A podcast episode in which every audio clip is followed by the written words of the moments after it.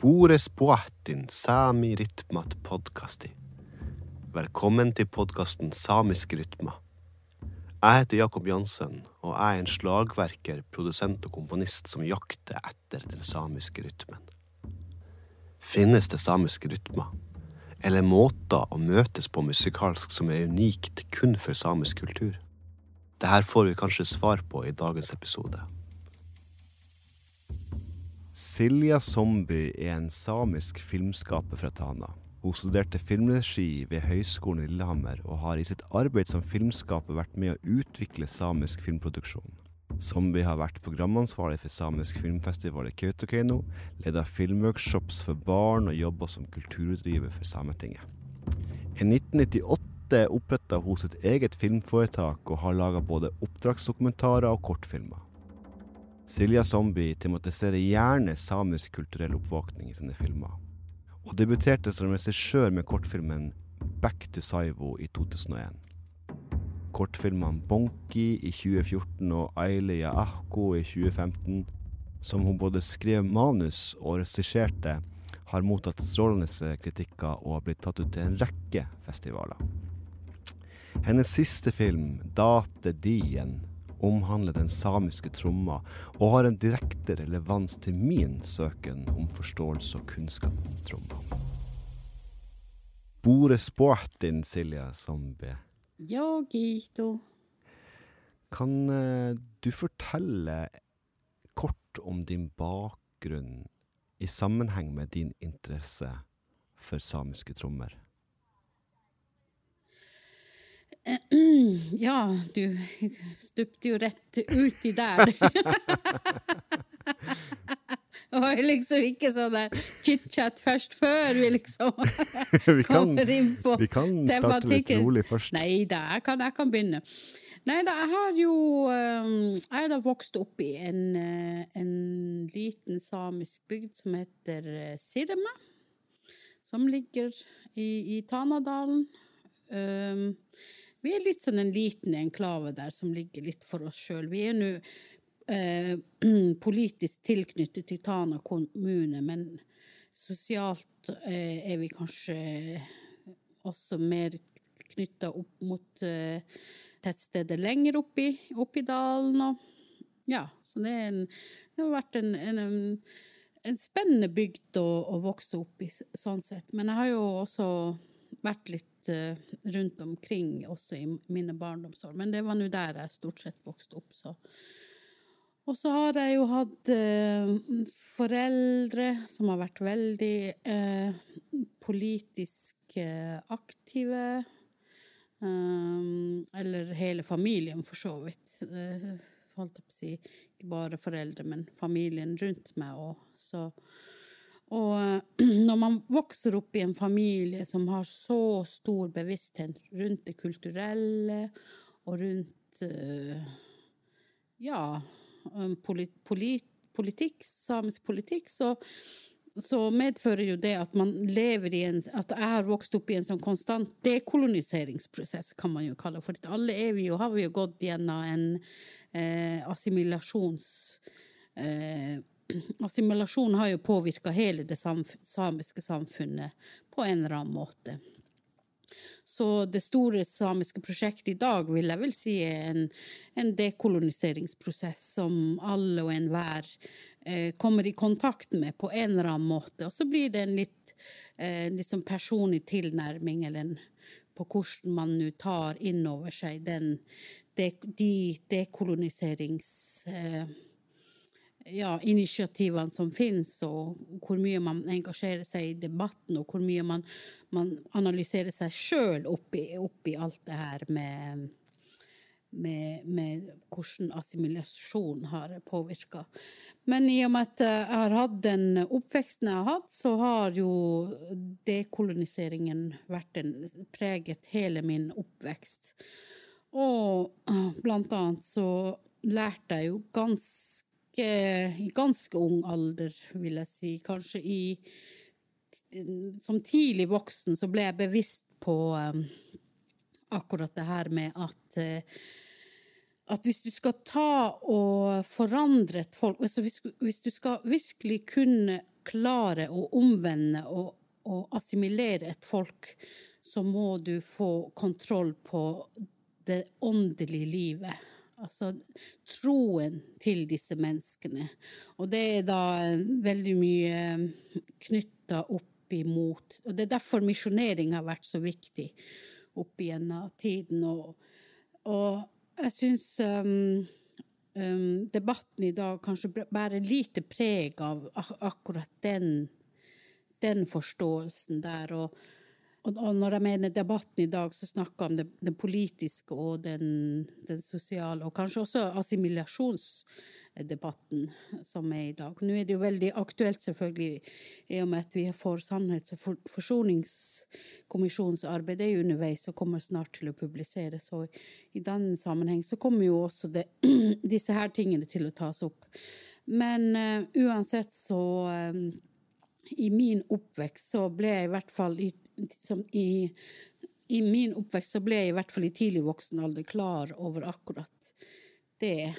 Og i tillegg så har jo blant annet min mor har jo alltid vært veldig opptatt av de her trommene. Ikke uten at hun kanskje har snakka så mye om det, men hun blant annet så malte hun replikker av de her eh, trommene på på, um, på, et, på, stoff, og de hengte hun som gardiner i hjemmet, sånn at vi var jo alltid omgitt av de her trommene. Og da var det de her eh, ekte gjengivelsene av de trommene, ikke så mye de symbolene som nå kanskje er blitt tatt ut av sin kontekst og blir veldig mye brukt i veldig forskjell, mange forskjellige sammenhenger, som da det er også Ikke alle er enig i det, men nå er det nå blitt et uttrykk for eh, bl.a.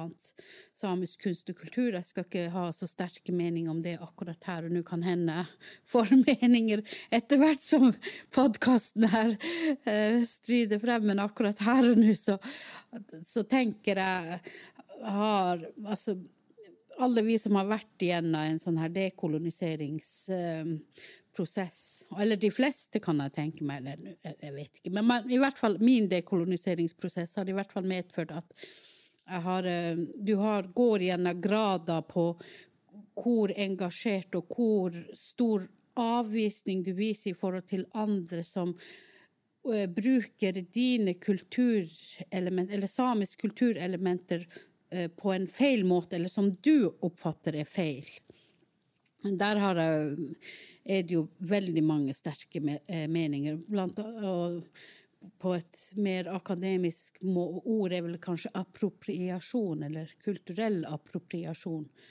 Og der er, jo, der er det jo et, et, stort diskusjonsfelt. Og der har jeg hatt veldig sterke meninger før i tida, men jeg har nå moderert meg eh, sånn når jeg er blitt litt mer eh, voksen, da. Det er jo også fordi at eh, Det er også et spørs, en spørsmål Jeg har jo blitt mer bevisst på akkurat det her med identitet, og hvor sårt eh, en, en identitetssøken kan oppfattes for de som ikke har så sterk bl.a. samisk identitet. Og da må man trå litt varsomt og sørge for å være litt mer eh, Kanskje litt mer raus med hverandre. Også fordi vi er jo ikke så mange. Ja, og det er jo også noe man blir bevisst når man, spesielt som jeg, jeg har jo vært litt Reist litt rundt omkring og vært ute i verden, og, og da lærer man jo hvor Da blir man bevisst på hvor mye folk som egentlig finnes ute i den store verden, og hvor få egentlig den samiske Vi er i den samiske befolkningen, og hvor sårbare vi er av den grunn. Derfor så mener jeg i, dag at det er veldig viktig at man støtter opp om hverandre og er raus med hverandre. Og det er derfor jeg også kanskje ikke har så kan være litt mer raus med at hvis noen føler at de må bruke de her samiske trommesymbolene for å uttrykke sin identitet, så må jo det være greit. Silja, du vokste opp i Sirma. Mm. Kan du forklare hvordan det er å vokse opp der, i forhold til eh, å vokse opp i en norsk by eller en bygd, for den saks skyld? Da må man jo ha noe å forholde seg til, Jakob. Altså, da må man jo vite hvordan det er å vokse opp i en norsk by eller bygd.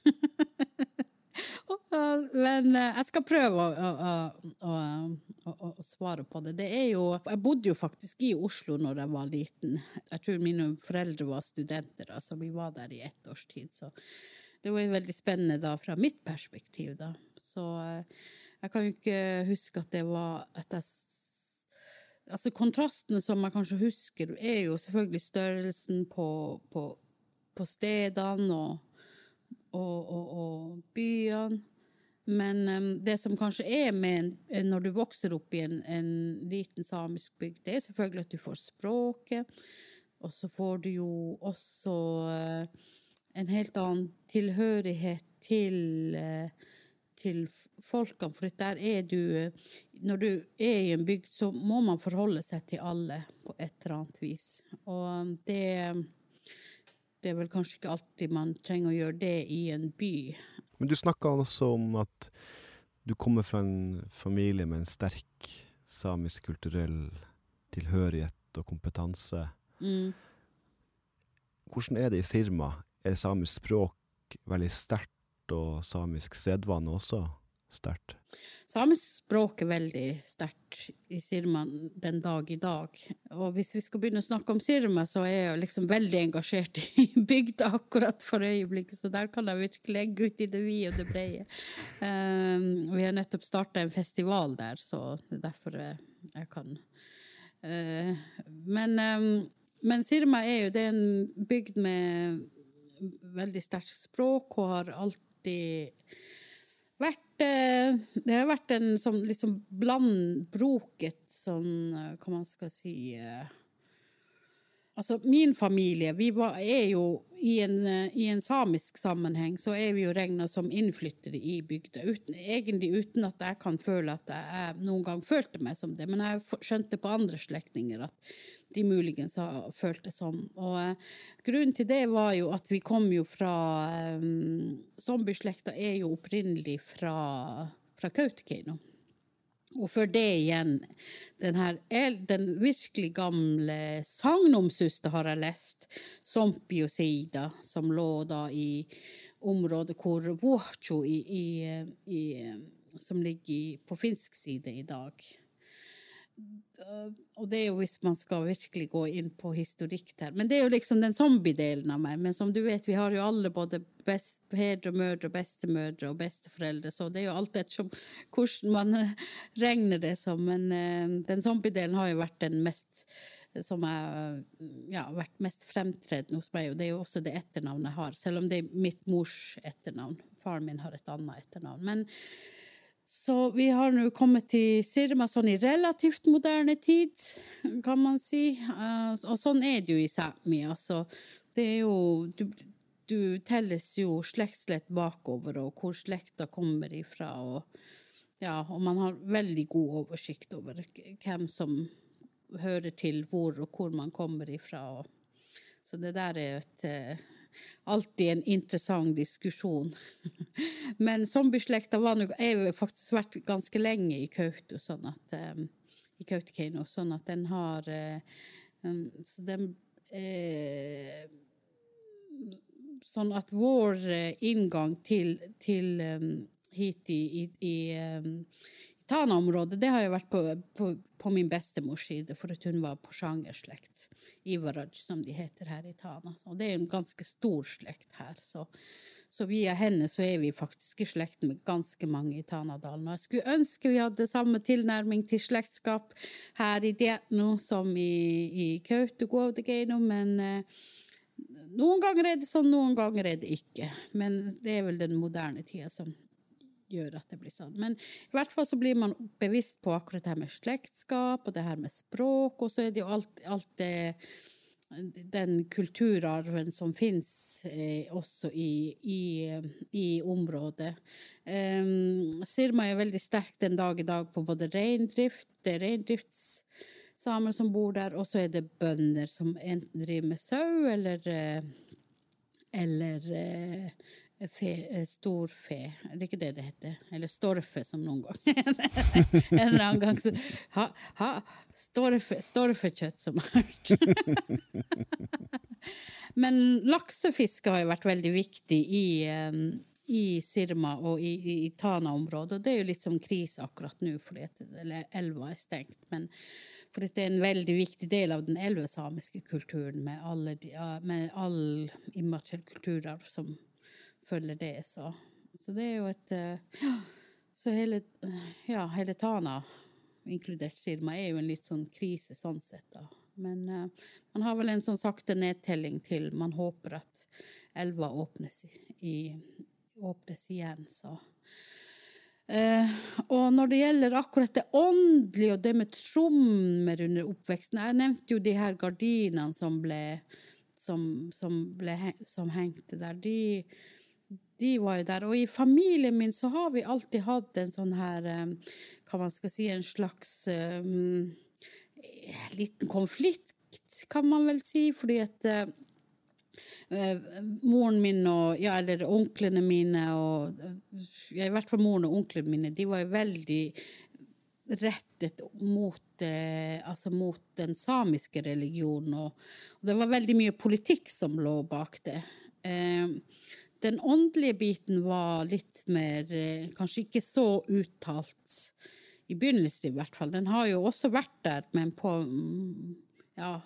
Men den har vært der til stede på veldig mange Hva man skal si uh, Ja, for dette hvis man, begynner, hvis man virkelig begynner å jobbe med samisk åndelighet, og spesielt det her med sjamantradisjonen, som da trommen er, har vært knytta opp imot, så er det jo um, Så er det jo en del Altså, det er ikke nok det er ikke, det er ikke en lek, hvis jeg sier det sånn.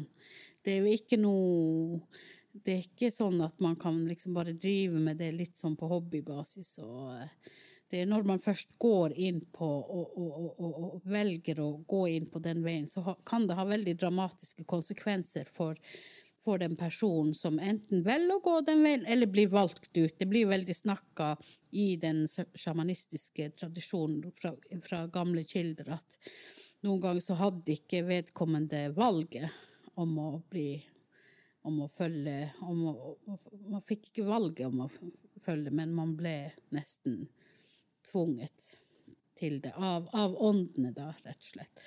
Men, eh, men det er jo um, men de eksemplene jeg har hørt, det er vel det mange som har fått valget, men som faktisk har uh, avvist det. Og det har også vært godkjent, eller at I hvert fall slik jeg har forstått det, så har de åndene godtatt det på et vis. Tror jeg nå. Jeg vet jo ikke, men i hvert fall, i hvert fall ifølge de historiene jeg har hørt da, av andre utenfor familien som har fått det her valget. da.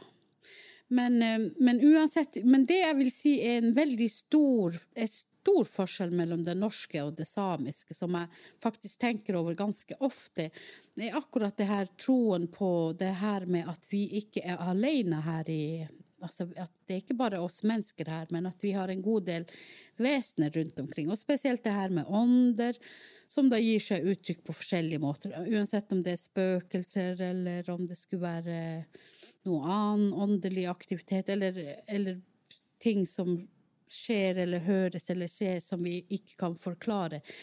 Den tradisjonen er jo veldig levende i Sápmi. Eh, selv om man kanskje ikke alltid snakker like høyt om det, men eh, det, det er jo liksom bare Det er liksom ikke snakk om man tror, for det er det veldig ofte snakk om i, i norsk sammenheng. Ja, tror du på spøk... Altså, man begynner å ha en sånn her diskusjon om man tror eller ikke. Det har vi ikke i Sápmi. Det er mer liksom Det er mer heller altså Hva har du opplevd? Hvordan, hvordan opplever du det her? Ikke sant? Så det er mer Man diskuterer mer på det nivået. Så man så hver gang det, man får sånn diskusjon på, det, på sånn program og sånt som jeg bruker å høre på om f.eks. om det åndelige, så ender man alltid opp på det her trosspørsmålet, som jeg syns er veldig kjedelig. Jeg syns det er så, et så urelevant spørsmål! Det er liksom ikke det vi snakker om, altså. Hallo! Det er liksom, la oss nu, det er liksom veldig sånn ABC, liksom. Da er vi liksom på A, men vi, vi, la oss nå komme litt videre. Hvis du skjønner hva jeg mener. Jeg skjønner hva du mener. Ja. Det er jo sånn som du sier, i hvert fall sånn som jeg oppfatter det, mm. at den samiske åndeligheta som kanskje storsamfunnet vil kalle for overtro, mm. er høyst levende. Absolutt, absolutt. Ja da.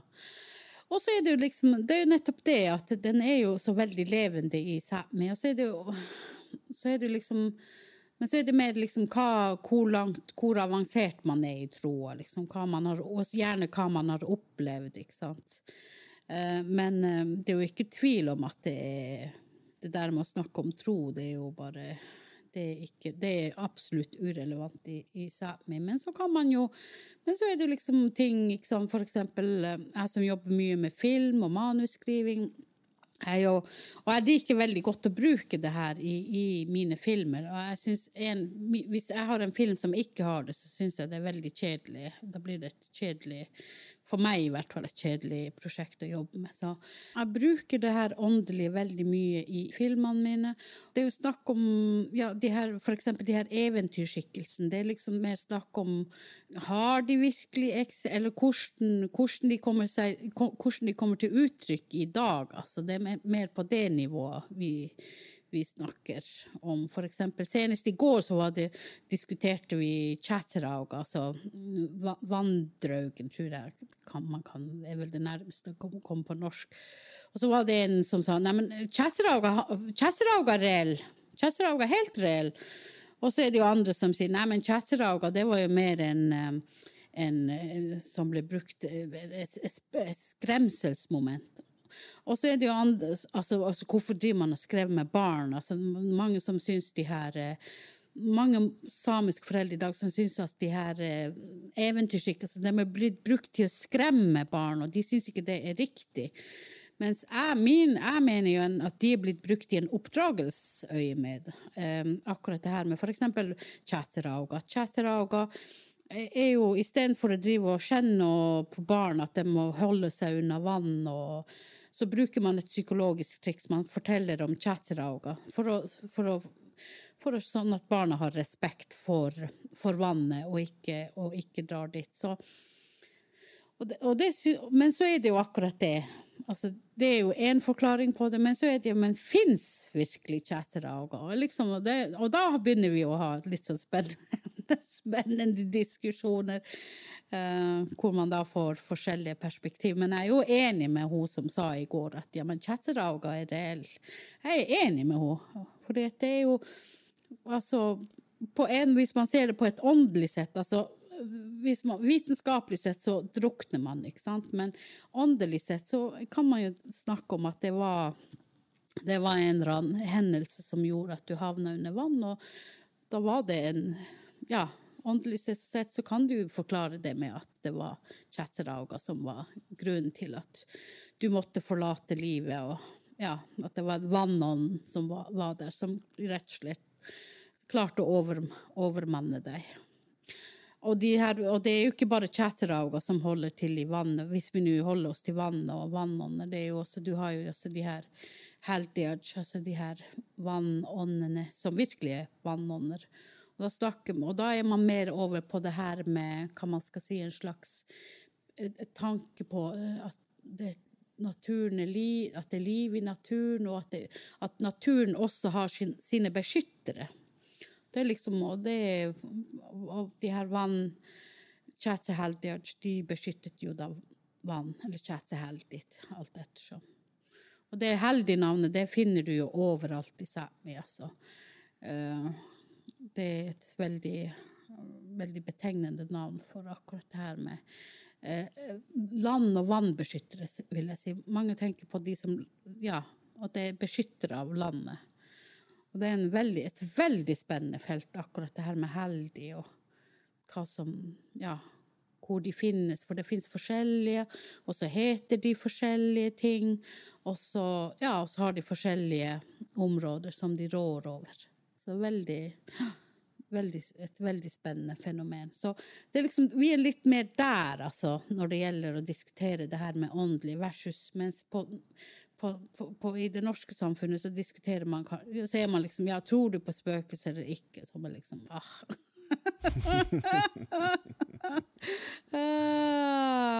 ja. Det er ikke alle, da, men ja. Hva tror du det kommer av at det samiske folk virker å ha litt mer respekt og ydmykhet for um, det man kan kalle for naturreligion, eller Er det noe sånn ved bare at man har en kulturell ydmykhet for det, eller man har jo blitt utrolig assimilert og kolonisert i flere hundre år, Mm. men likevel så lever jo Mm. en del av det her. Ja. Nei, jeg tror det, det er jo rett Jeg, jeg tenker nå at det er slik at det er jo fordi man har en det, Samisk kultur har jo selv den bakgrunnen i seg, og og, øh, og så tenker jeg også at Og så er vi i, i forhold til eh, veldig mange Til andre urfolk i i-land, så har jo samen en en relativt privilegert posisjon.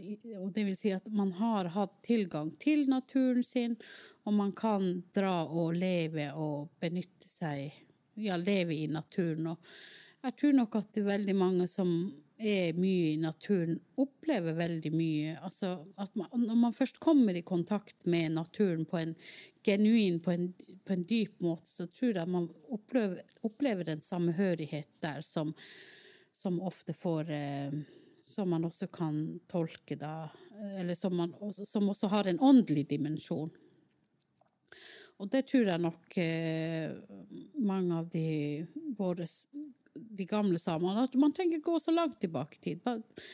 Nesten til og med på foreldregenerasjonen min. Nå jeg, jeg er jo så 70-tallsbarn, så Men de som er foreldregenerasjonen der, til og med de har nok en del spesielle opplevelser. Og at når man har en åpenhet for det, og eh, at man, man har en åpenhet for at det fins andre trosforestillinger enn det som har vært veldig opp og normert som, si, som normal, da. Det, det er det jeg liker veldig, ny, veldig mye nå, som jeg syns er en åpenhet for den samfunnsdebatten som er nå, sånn generelt i, i den vestlige verden, er at man åpner opp for at det er finnes, at det fins ikke en eh, normativ forståelse. Altså at man Selvfølgelig er det, det Eller i hvert fall at den blir utfordra i større og større grad. At, eh, at, det fin, at man kan ikke bare normere en sånn eh, en, en, en forståelse og en verdensforståelse. Og eh, det er jo sånn som jeg Ja, som man fra samisk hold er vant til å, å argumentere for. Og selvfølgelig fordi man har den her assimilasjons, de assimilasjonserfaringene, så vet man jo altså at man blir jo prakket på en, en helt annen verdensforståelse som til tider kan føles som veldig fremmed. Et, et banalt eksempel det er jo eksempel det her bålforbudet. som, som inntrer var det 15. april altså, over hele landet. ikke sant? Og, og så når man ser utfor vinduet, spesielt store deler av Nord-Norge, så er det jo snø overalt. At det blir helt Det, blir helt, det, blir, det er så feil at det Uh, og, og, sånne ting gjør jo at man setter jo spørsmålstegn ved hele, hele forvaltningen omtrent. Så.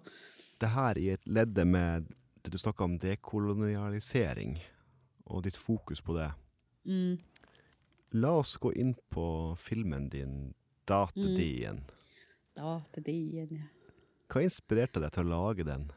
Datedien Altså, jeg har jo alltid hatt uh, villet veldig mye jobbe med tematikken rundt de samiske trommene, men de samiske trommene er jo veldig mye Det er veldig um, Det er veldig sensitivt å, å, skulle lage noe om det på en fornuftig måte uten å bli stempla som enten ny sjaman eller en eller annen som skal komme og appropriere den, og, og den gamle samiske tradisjonen. Det er liksom enten-eller. Det fins veldig vanskelig å komme og skulle og skulle gjøre noe fornuftig. Men med det her prosjektet så fikk jeg Jeg fikk bare en idé, og ideen var at den opprinnelige ideen det var jo akkurat det her at det var en mann som sitter utenfor et museum, og som får en, et syn av Som i hvert fall får kontakt med de trommene som er låst inn på, på det museet. Og en annen del av det her er akkurat det her Det nordiske museet, som jeg har hørt Som har en stor del av den de, jeg tror de har vel den største trommesamlinga i verden per dags dato av de her gamle samiske trommene. Og så, hørt, så hadde jeg hørt historier om hvordan samer som kommer dit og ønsker å se på de, hvordan de blir nekta tilgang til det. Men men hvis de da ringer i neste omgang og sier at de er en forsker fra Tyskland eller whatever, så, så, de, så får de tillatelse til å se på de trommene. Altså det er en sånn systematisk eh, strukturalisme også i forhold til det som hvem som får tilgang til den um, arven som er Den Det materielle arven som er så hellig for samene. Og det, har vært utrolig provoserende for meg å, å, å tenke over. Men sånn at når jeg fikk den der eh, den ideen der, så, så, så hadde jeg lyst til å jobbe mer med den. Og samtidig så kom jo Internasjonalt Samisk Filminstitutt opp med denne ideen om, eh, om å lage en sånn film i 360 grader, eller reelt i 270 grader. Og da så jeg for meg, og så jeg faktisk for meg akkurat det her frigjøringsritualet, at du har en, en del ånder som står rundt en tromme som, og, og og frigjøre den åndelig sett.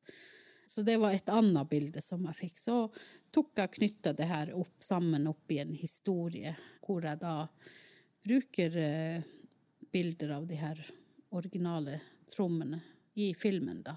Ja, det var vel det som var, var inspirasjonen. Og pluss det at, som vi har snakka om tidligere her, også det at jeg har jo en bakgrunn den dekoloniseringsprosessen som har vært igjennom, har også medført at i hvert fall min tilnærming altså, altså Jeg har tenkt veldig mye på det her med åndelighet, spesielt etter at jeg ble klar over det der med at hvis du skal ta et folks sjel, så angrip deres åndelighet, og angrip det, det, de tror på. Da får du makta over den. Og det, det ser jeg det, altså Jeg syns det stemmer så.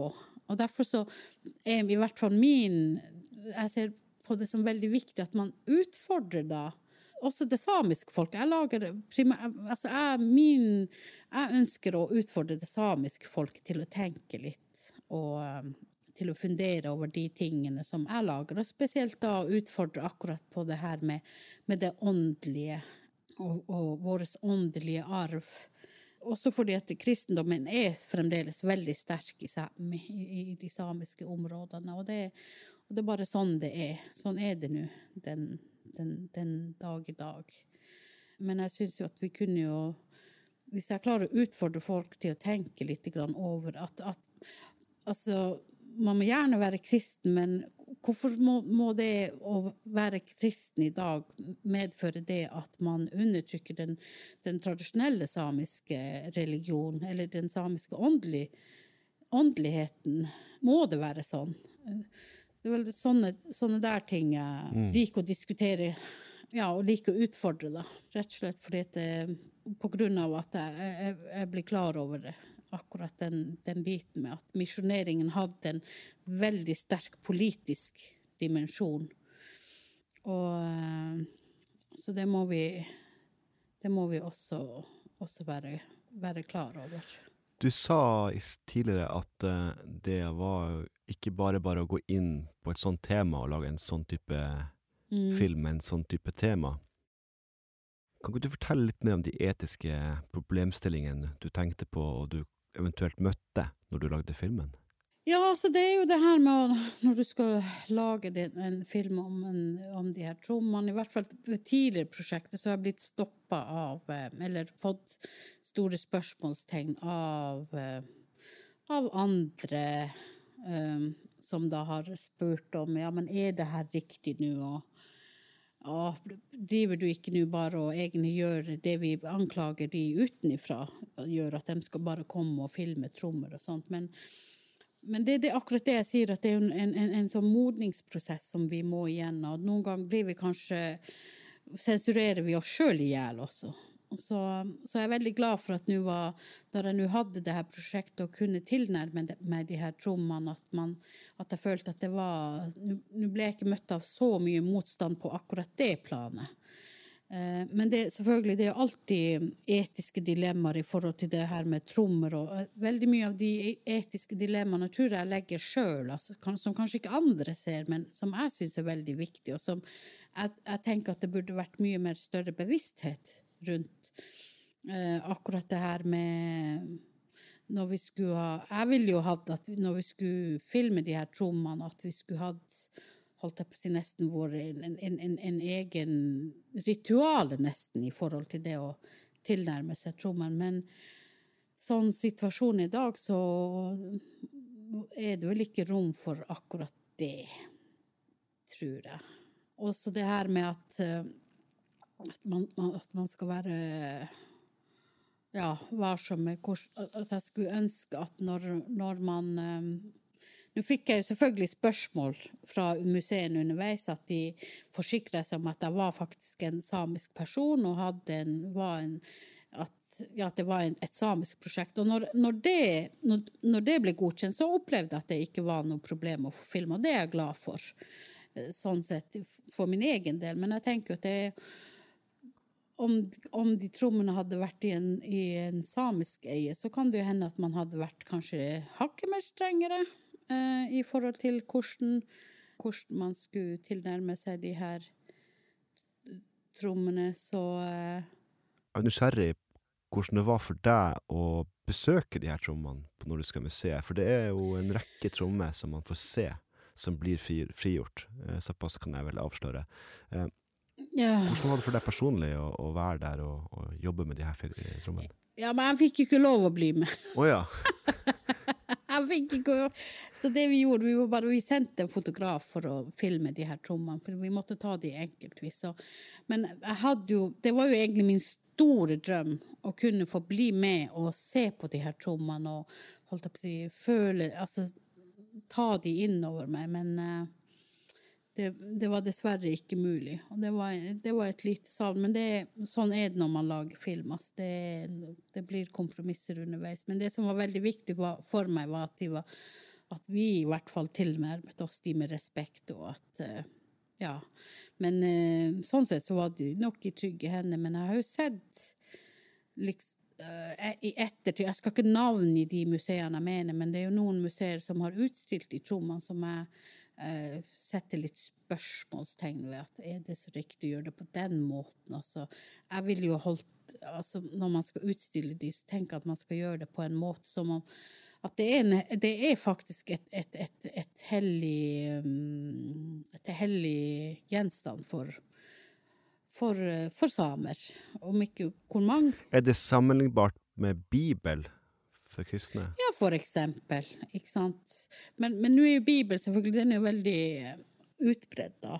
Mens de her trommene er ikke så utbredt. Men noen ganger så virker det som man har på noen utstilling så man liksom bare virker som man har slengt en tromme i et hjørne. Å, der er tromma, liksom. Mens hvis jeg skulle ha utstilt, så ville jeg nesten hatt et, nesten et eget eh, et eget rom, altså nesten som at det var altså, lagde et, til et meget et, et veldig spesielt Bare for å få folk til å skjønne altså, hvor viktig de trommene var, og hvor I hvert fall de her gamle trommene.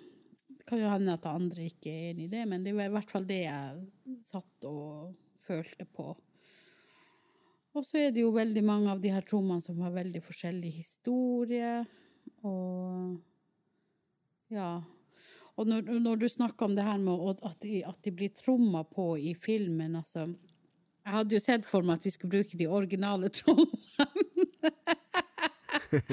som instrumenter, eller som Altså at de ble utøvd, men den planen tror jeg la fra meg ganske tidlig. Da var det noen som sa «Eh, jeg tror ikke det der er realistisk å få til, så da var det jo snakk om å få de her eh, duplikatene, da. Så det var jo også en historie i seg sjøl, hvordan man fikk tak i de trommene. Men, men uansett, men å få tilgang til de her eh, opprinnelige trommene, det var også ikke bare bare.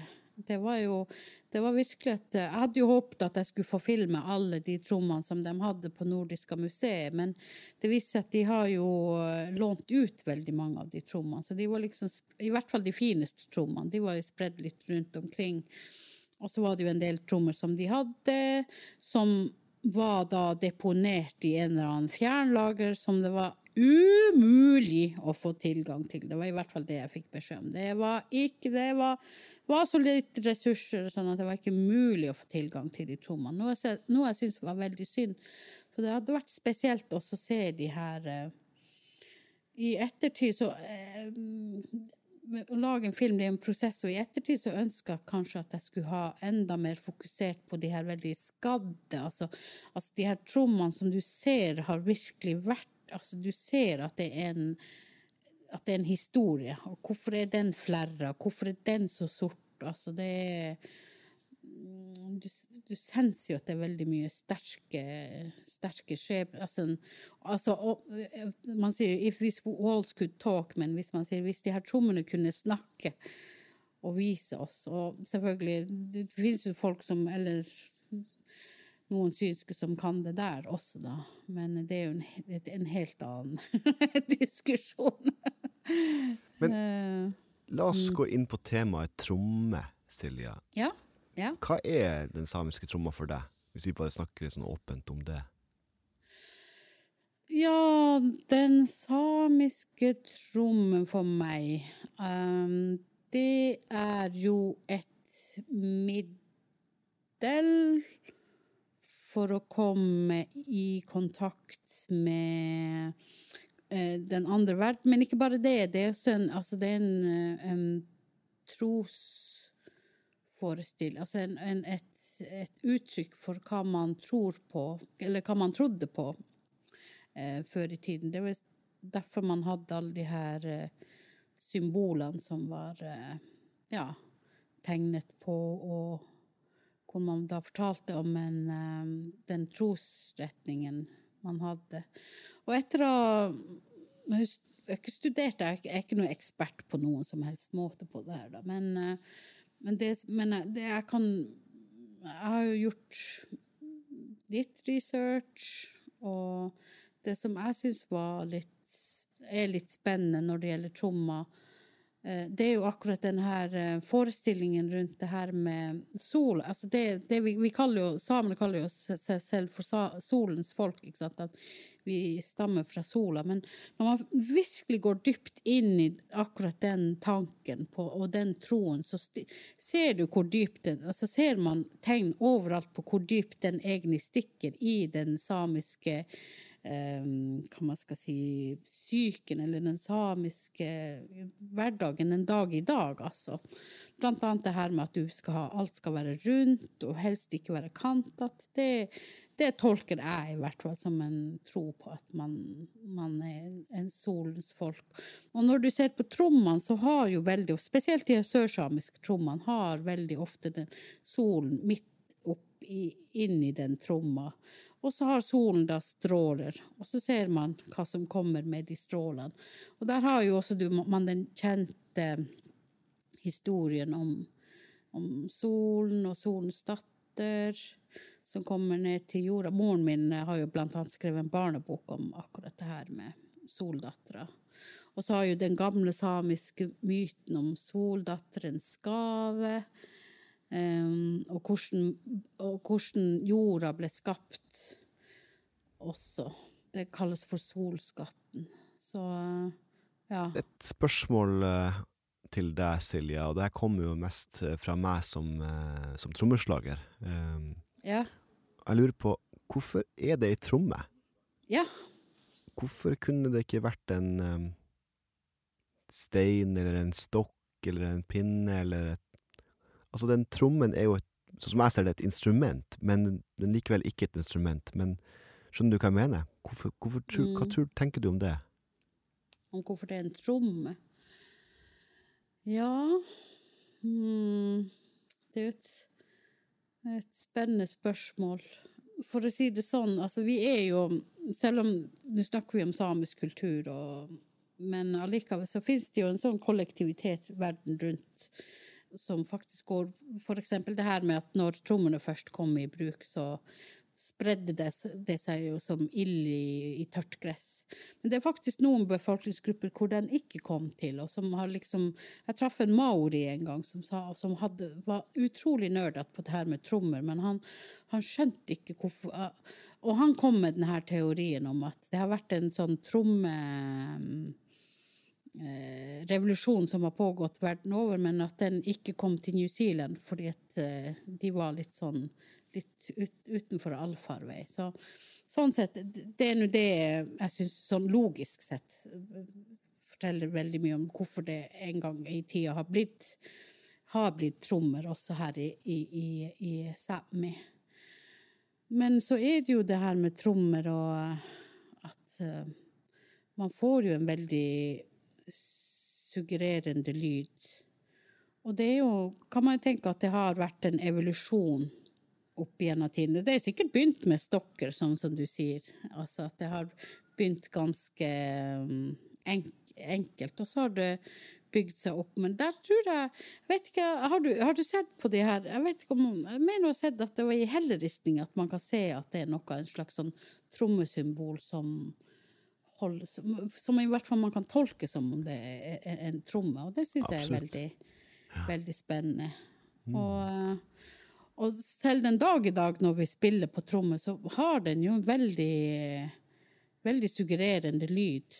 Uh, og de snakker jo om at trommene at det er de, de, de som hjelper uh, Som hjalp de sjamanene til å komme i transe. Og det blir vel brukt en dag i dag.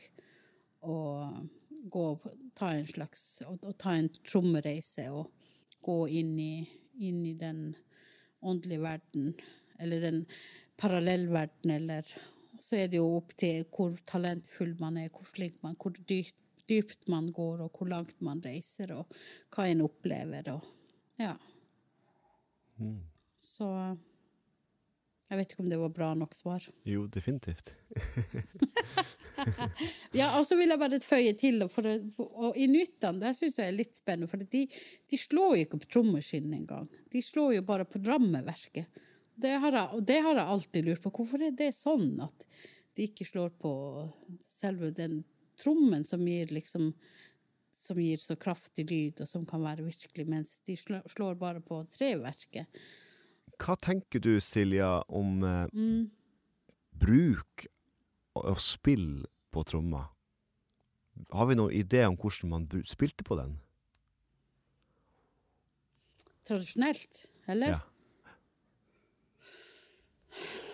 Ja, altså nå har jeg jo uh, Altså det er jo Det finnes jo folk Det er jo alt ettersom hva man vil, hva man vil oppnå, tenker jeg. For det er jo slik jeg opp skjønt det, så spiller man jo Først så skal man jo komme i transe, og så skal man forbli i transe, og etter det så skal man komme ut av transe. Og da er det forskjellige rytmer som må til for at man skal oppnå det ene og det andre. Det er nå slik jeg har oppfatta, som jeg også forestiller, eh, forestiller meg at det blir i forhold til det her med å spille på tromma. Men det er jo, det er jo en, en, åndelig dimensjon ved det. Altså, det, er jo, det er jo en, en eller annen ja, altså det, ikke, man, det blir ikke brukt som et musikkinstrument per se, i hvert fall ikke den den, um, den sjamantromma. Ja. Men det lydlige har jo en effekt. Absolutt. Ja. ja lyden, eh, lyden vil jo være med på å, å skape en atmosfære som gjør at man kan man kan dra på en trommereise. Og, og, og, så er det jo opp til, hvor, opp til det individet som da drar, hvor, hvor følsom man er, altså hvor dypt en klarer å, å gå ned i den verden. Noen er jo mer følsomme enn andre, sånn at de går jo lett inn i den verden, mens andre ikke er fullt så følsomme. Og vi som moderne mennesker vi kan jo ha en tendens til å være veldig overanalytiske. sånn at for oss så kan det være litt vanskelig å komme inn i den verden, for vi begynner å analysere med en gang, og det mentale kommer og skaper en slags sperre. Men, men eh, det gjelder jo å være åpen og, og, og, og, kunne la seg og hengi seg til den verden for å kunne ha tilgang til den.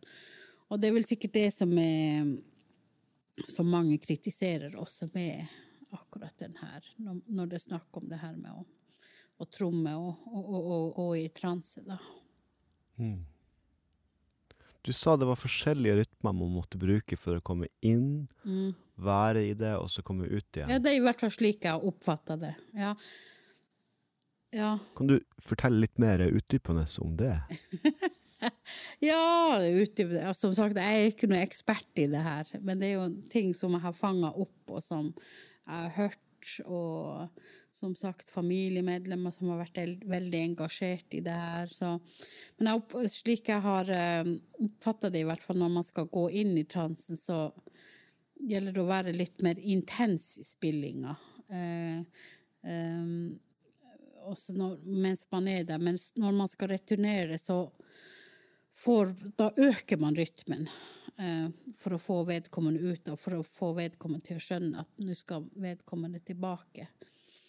Og sånn i riktig gamle dager så står det jo beskrevet, det her vet vi jo ikke sånn for sikkert, men det står jo beskrevet at man hadde jo eh, også mm, at veldig ofte var det kanskje menn som gjorde det her, så hadde de gjerne også kvinner som hjalp en til å få tilbake at de, at de joiket for å få eh, sjamanen ut av denne transen. Og, og det var jo noe som jeg brukte i denne filmen, 'Dattedien', hvor jeg ønsket å ha to, sam, to kvinnelige joikere for å illustrere akkurat det der med at man må også komme seg Ja, at man har hjelpere underveis i, i den, den fysiske verden.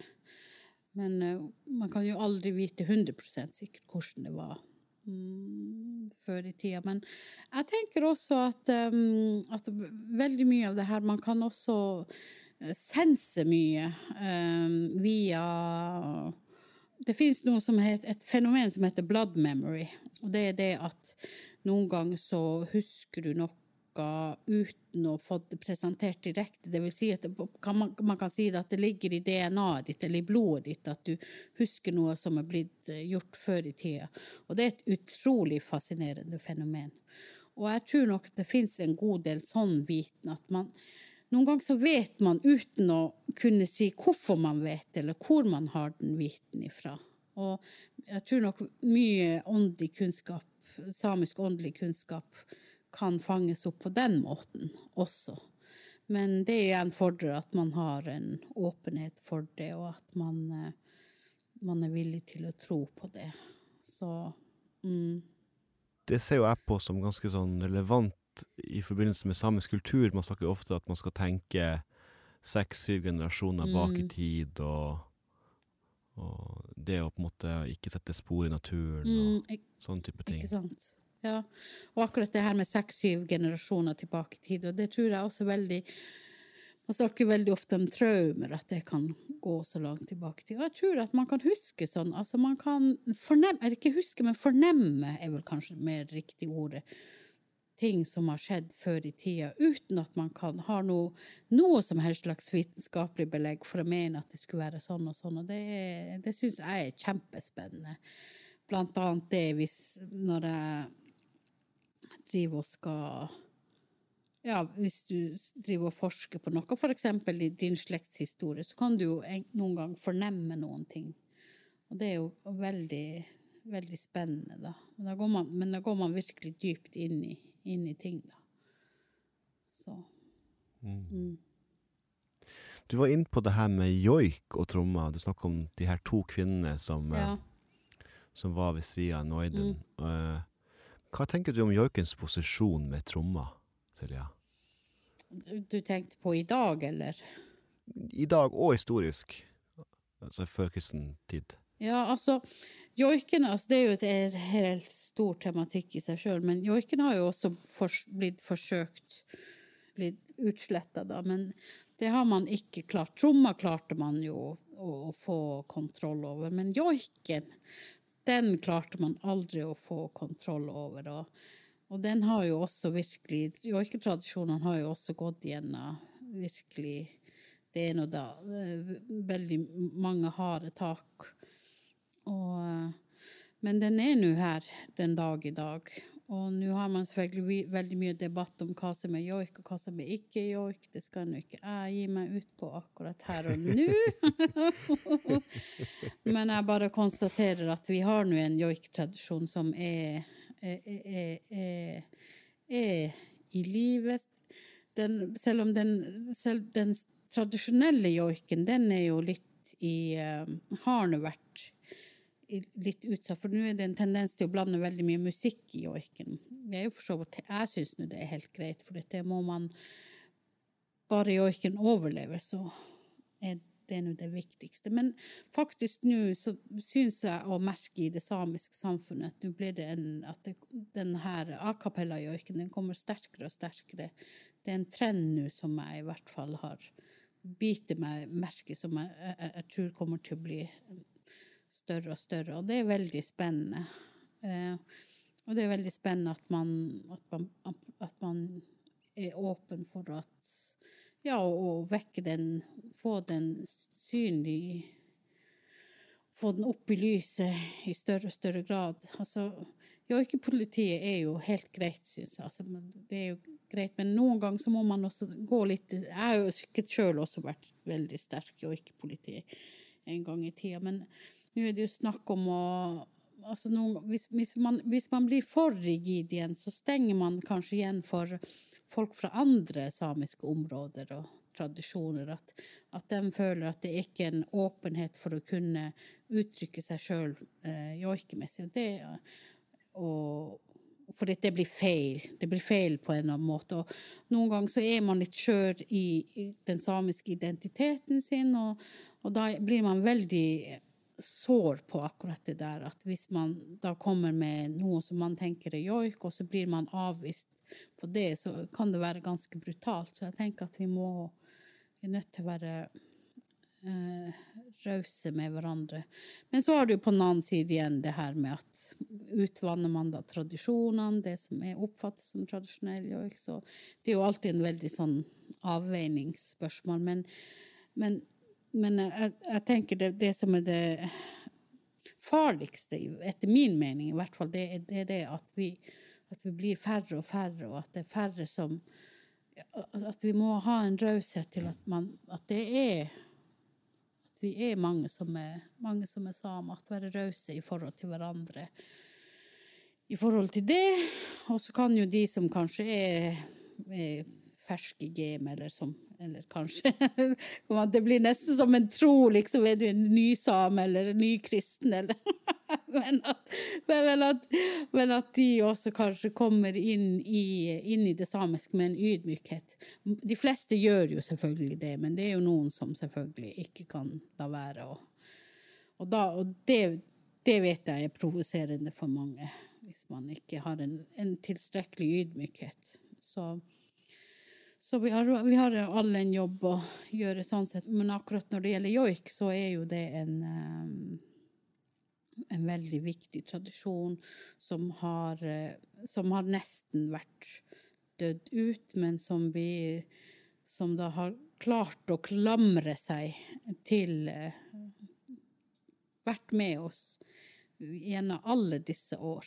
Og det er ganske fascinerende, egentlig. Men det igjen viser akkurat det her med hvor viktig immaterialitet, altså den immaterielle kulturarven, hvor viktig den er. For det er noe du ikke kan ta fra en person. Med mindre du virkelig hjernevasker en ellers. Men den er, den er nå der. Og den er sta som tradisjon. Og jeg syns det som er fascinerende, er at um, jeg jobber i, med forvaltning ellers, og så, og så skal vi prøve å liksom få regler og regulere hva som er joik, og det her med joiking. Men, men joiken den har en frihet ved seg. Altså en sånn, altså det er nesten umulig Dess mer du, altså Hvis du prøver å presse den inn i en, i en ramme, så, så, så, så, popper det ut liksom et annet sted. Og, og det er det jeg syns er så fascinerende med, med, med joikens, altså den, den, frie naturen. I, den har en frihetsdel seg, som nekter å la seg nekter å la seg temme på et eller annet vis. Og det, jeg syns det er så det er fantastisk og fascinerende med joiken. Og den kommer nok til, alltid til å være det, så lenge det finnes samer. Det tror nå jeg, i hvert fall.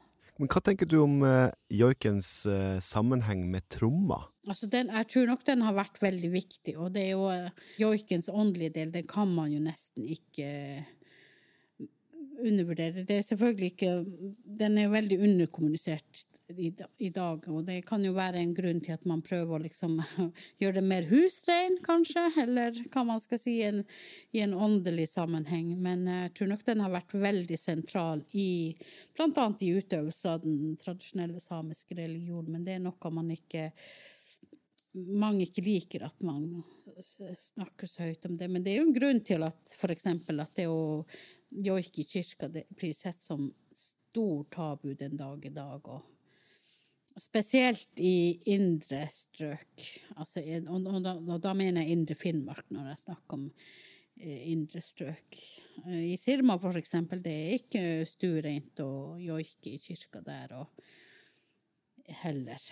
Så eh, det er nok en stor del av joike. Men så, samtidig så er jo den blitt så populær, altså i hvert fall den eh, joik- og musikkombinasjonen, den blir jo mer og mer uh, populær. Så da må, jo, må man jo prøve å regulere det slik at det Det er vel kanskje da den blir oppfatta som OK, da. For det, det, det, er kanskje derfor vi, det blir så mye diskusjon rundt det her med hva som er joik og ikke joik. For hvis man sier det, så den, blir den kanskje litt mer husrein, hvis man sier det sånn. Jeg vet ikke.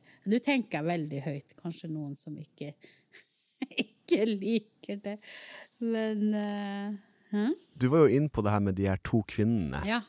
som var ved siden av Oidun. Hvis vi tenker at uh, tromma er et redskap, og at joiken har vært med, men hva tenker du har vært viktigst?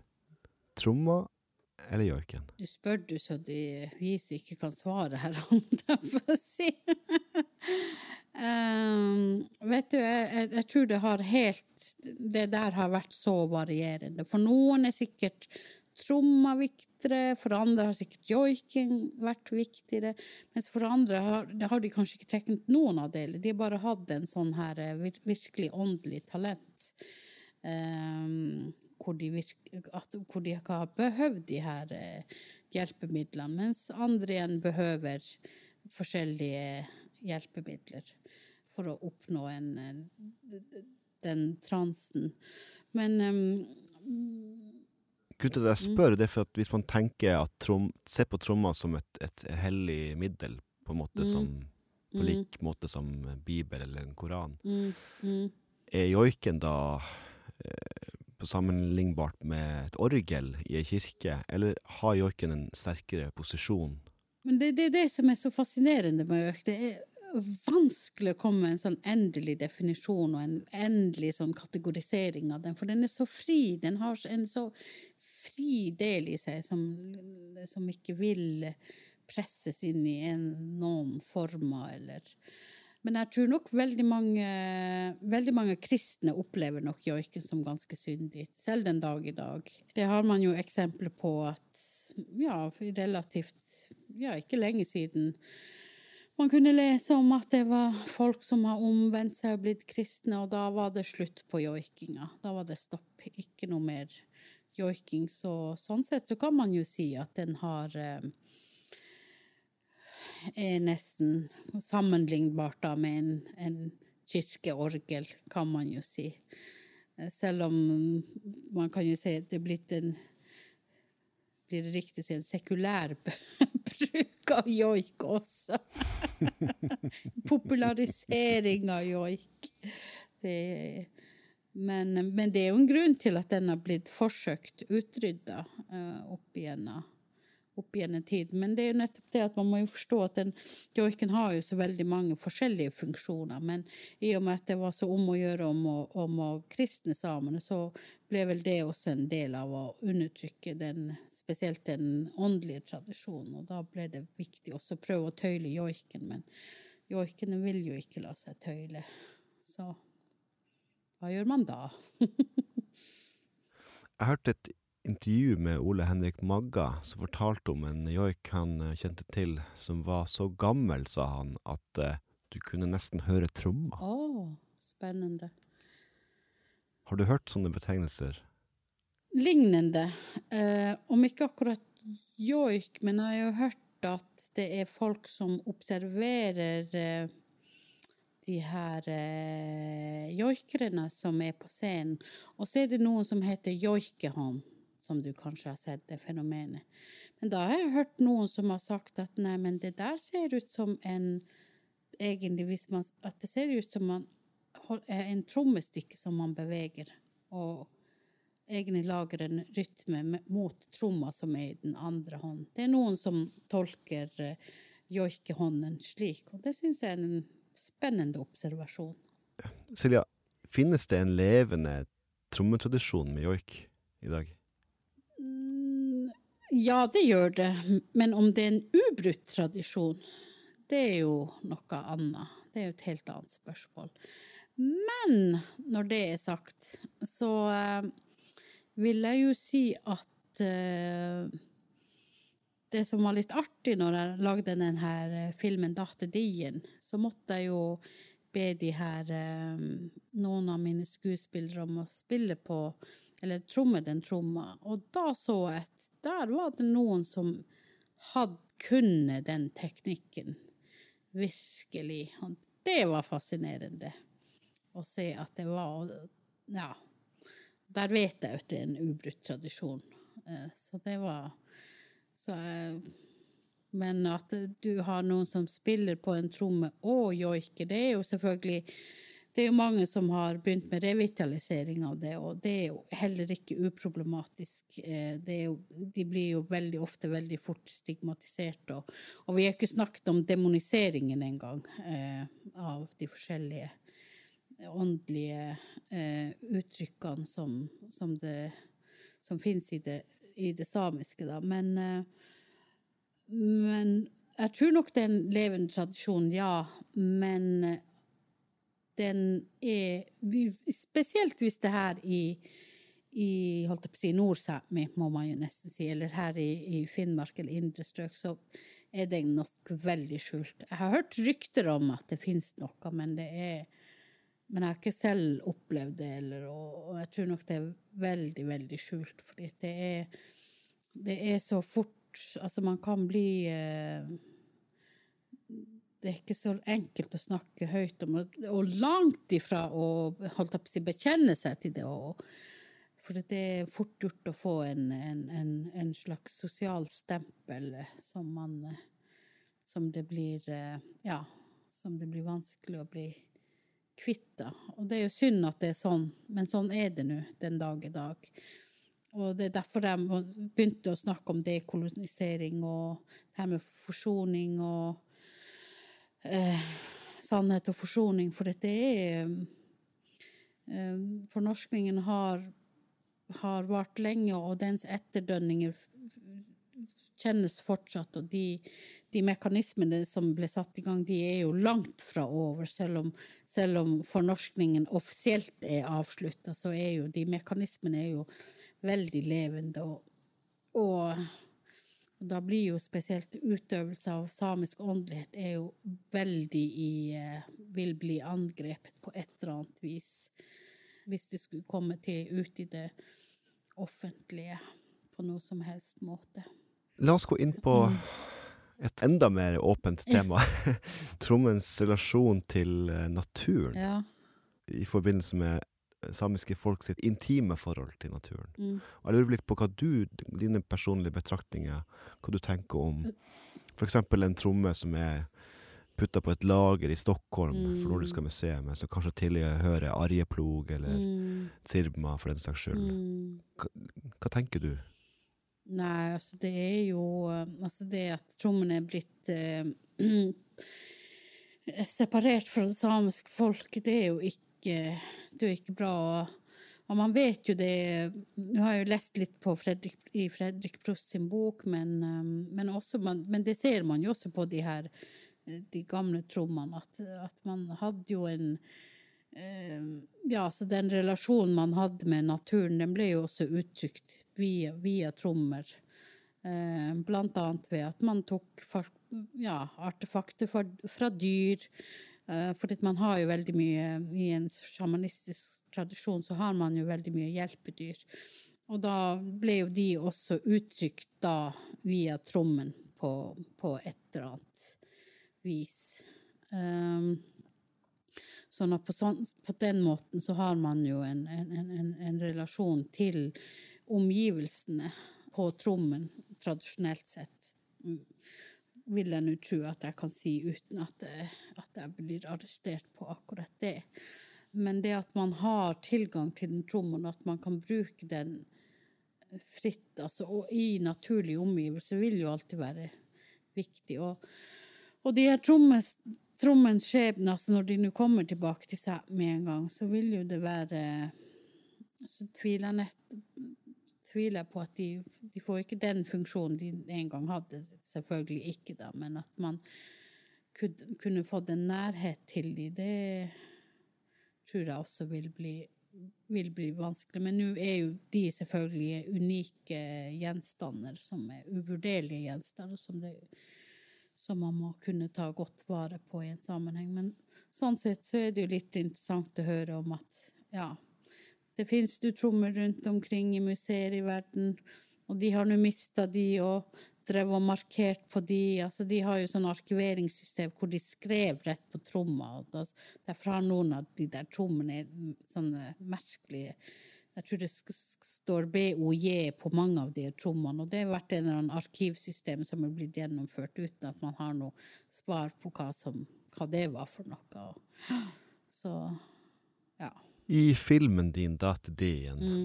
så kan man kanskje påstå at trommene har en eget liv, et egen sjel. Mm. Jeg har hørt at man ikke skal spille på andre personers trommer, for at de, det kan bringe deg ulykke å spille på noen sånne trommer. Mm. Hva tenker du om det her med, med liv og, og, en samisk tromme og, og den kraften? Var det noe du ville fortelle i dette ideen om det, eller har du andre tanker som ikke er tilknyttet filmen nødvendigvis om det her? Ja mm, Det er jo interessant at du forteller om det, og det, og det kan jeg gjerne tro at, at de her trommene har vært veldig personlige, og at uh, når man jo først har, har tilverket en tromme, så er det, en, så er det en, et, en, en personlig gjenstand. Altså, det jeg ville formidle i filmen min, det var vel mer eh, Altså, det var Altså, Datterdien, den har jo en um, historisk dimensjon, og så har den en politisk dimensjon, og så har den en åndelig dimensjon. Og, og den åndelige går jo ut på at jeg har nesten lagd den filmen som en slags trommereise. Mm. Og også med alle de her andre elementene som kommer inn, blant annet med de her kvinnene som joiker, og at man fær ut på en reise, skal man komme tilbake. Og så kan man jo se på ja, Nå begynner jeg å fortelle nesten om hele filmen, så det er nesten som man skulle hatt sånn spoiler. Men, men du, du, må se filmen hvis du skal Men eh, ja, så, så, så den har jo Altså, den er jo forma som en trommereise, altså den åndelige dimensjonen. Mens den politiske dimensjonen, det tar jo opp akkurat det her med museene. Mens den politiske Nei, mens den historiske dimensjonen, den har jo Forteller jo historien, i hvert fall en del av hvor brutal den, den overtagelsen har vært en gang i tida.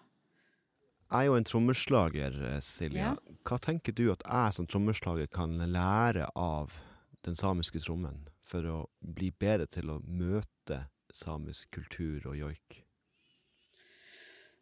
Ja, det var jo mm, Det tenkte jeg jo på i begynnelsen, når jeg tenkte at hvordan, hvordan skal nå Jakob kunne klare å manøvrere inn i det her, når du har liksom alle de begrensninger som ligger i, i, i hvert fall i den eh, sjamanistiske tromma. Men eh, slik jeg ser andre musikkutøvere har gjort, spesielt samiske, er at de tar tilbake tromma, og veldig mange på, på, en veldig fri måte. At man løsriver den kanskje fra en, en sjamanistisk tradisjon, og man tar den tilbake som, en, eh, som et instrument. Og jeg, jeg syns nå det er helt OK, men, men det er jo med en gang man får altså at man får den her i hvert fall Spesielt hvis man lager kanskje replikker av de her gamle trommene, og da dundrer løs på de som man liv som man skulle lystre, lystre det, det, det, det, kan kanskje oppleves som, som problematisk. Men uh, jeg tror nok du er Jeg har hatt den der diskusjonen med deg sjøl og er, klar over akkurat det der. Men som sagt, det å at man har en, um, den, en si, sånn sekulær utøvelse med både joiking og trommen, det syns jeg er uproblematisk. Men det jeg faktisk drev og diskuterte en gang, var Eh, da det var snakk om å kunne definere hva en joik er, så, så var vi i en diskusjon på om skulle det være en ren a cappella-joik, eller kunne Jeg mente jo det at det, selv om man trommer hvis, hvis, du som utøver står, står der og trommer eller rasler, så mente jo jeg at det kan fremdeles oppfattes som en eh, tradisjonell joik. Eh, men der var det andre som mente nei, det, det kan det ikke. Det må være ren a cappella-utførelse for å kunne defineres som en, en, en um, joik. Og der um, Det var vel det som ble definisjonen, da, men uh, jeg er jo litt usikker. Spesielt etter den her fine samtalen vi nå har hatt, Jakob, at uh, er det nå så riktig at vi ut utestenger spesielt det her med tromme og rasle, som også har vært en, en viktig eh, et, et, viktig element i, i, Tradisjonelt sett, i hvert fall, av, av instrumenter. La oss gå inn på det med rasla. Mm. Det er, kan ikke du fortelle litt om eh, hva du tenker om rasla rundt de her samiske trommene, og, og dens rolle? Eh, ja, rasla er jo kanskje ikke vært så veldig synlig tradisjonelt sett, men det er jo kanskje ikke så rart, fordi at man har vel kanskje hatt Trommen har jo liksom vært det mest kan man skal, iøynefallende og det som har vært mest synlig, mens de her andre hva man skal si, ting. Og de har kanskje vært såpass usynlige at de er nesten forsvunnet i, i, i, dagens kontekst. Men så har jeg jo vært i kontakt med Mm, med blant annet en, eh, en som fortalte en, en, Jeg tror hun kalte seg sjøl for en Jeg vet ikke om hun kalte seg sjøl for en sjaman, men hun hadde definitivt Hun drev med trommereiser og, og det meste. Og hun snakka veldig om, om, om, om rasla og hvordan den, ble, hvordan den ble brukt. Den har en veldig dyp rolle også. Som jeg har Jeg tror jeg brukte den, det elementet i, i, i, filmen Bonky som jeg hadde, akkurat det her med rasla. Og, og, det er også andre som har eh, synliggjort akkurat det her med raslingen. At den er også veldig, veldig viktig i den samiske trosutøvelsen. Men hva den rasla egentlig er, er jeg litt usikker på, faktisk. Altså hva som, hva som ligger i det kommunikasjon med ånder er det noen som har eh, er, er noe jeg har hørt. Eller tolka, rett og slett. Jeg har ikke hørt det engang, men jeg har tolka det slik ut ifra det som er blitt meg fortalt. Og, og det syns jeg, jeg er litt spennende. Men jeg tror at hvis man, hvis man, virkelig begynner å jobbe med de her, så så man nok, vil man nok finne ut av det her intuitivt. For det, det er noe jeg har lært av eh, folk fra rundt omkring, ikke bare i Sápmi, men rundt omkring i verden. Det er jo det at hvis man bare tar opp den tradisjonen, og, og hvis man begynner å jobbe med, med det eksempel det her med fra afrikanske sjamaner så har jeg jo lært det her annet med når jeg klagde over at vi har så lite informasjon om planter, eksempel. Så sier de ja, men du må bare snakke med planten og så spørre. OK! Ja, det er jo veldig lett for oss som liksom har litt sånn den, den, logiske biten litt for sterkt utvikla. Og liksom fære å ta en prat med en plante, liksom. Men jeg tror veldig på det, at, at, at man kan gjøre det. og absolutt. Og om man har den åpenheten, og at man går inn for det og prøver å kommunisere, så kommer, kommer man nok i kommunikasjon med det. Så det gjelder bare å ha åpenheten og villigheten til å gjøre det. Og, og, og at man, om man virkelig er genuint interessert, så finner man nok ut, man nok ut et eller annet. Så, ja. Og akkurat det tenker jeg også rundt de her andre elementene i de her eh, samiske mm, tradisjonene. Rasla er jo én ting. Vi har vel Jeg så ut du hadde jo snakka med han Øystein Hansen altså på det her med de her uh, fatno. Det må, jeg må jo høre på podkasten din. Ja. høre hva han sa. Snakka dere så dypt om fatno? Ja, vi snakka ja, om fatno. Jeg prøver på en måte å, å gå liksom, i dybden på å lete etter det jeg snakker om som unike samiske rytmer. Ja. Men det kan være vel så mye unike ideer eller konsepter i samisk kultur for å møte joik som trommeslager. Mm. Er det noe jeg kan lære av uh, samisk uh, åndelighet, Silja? Ja, tror du ikke det? Kan du sjøl tror? Jo, jeg tror det absolutt. ja. Ja, jeg blir jo liksom jeg, nå, Det er ikke alltid jeg kan gi svarene, du må jo sjøl også vite svarene på akkurat sånne der ting. Mm. Altså Hvis du sjøl føler at du, du, kan lære noe, så har du jo absolutt noe å lære. Vil du nå vært mitt svar, da? Ja.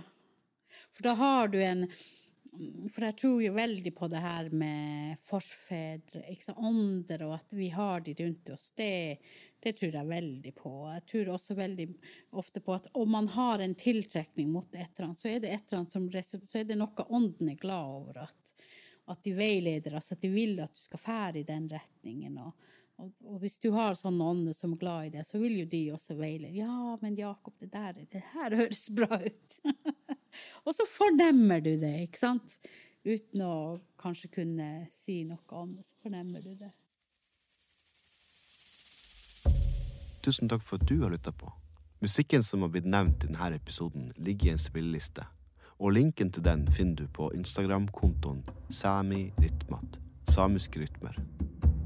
Hvis du har innspill til podkasten eller ønsker å komme i kontakt med meg, så kan du nå meg via Instagram på samirytmat, samiske rytmer, eller via e-post til jakobjansson at gmail.com.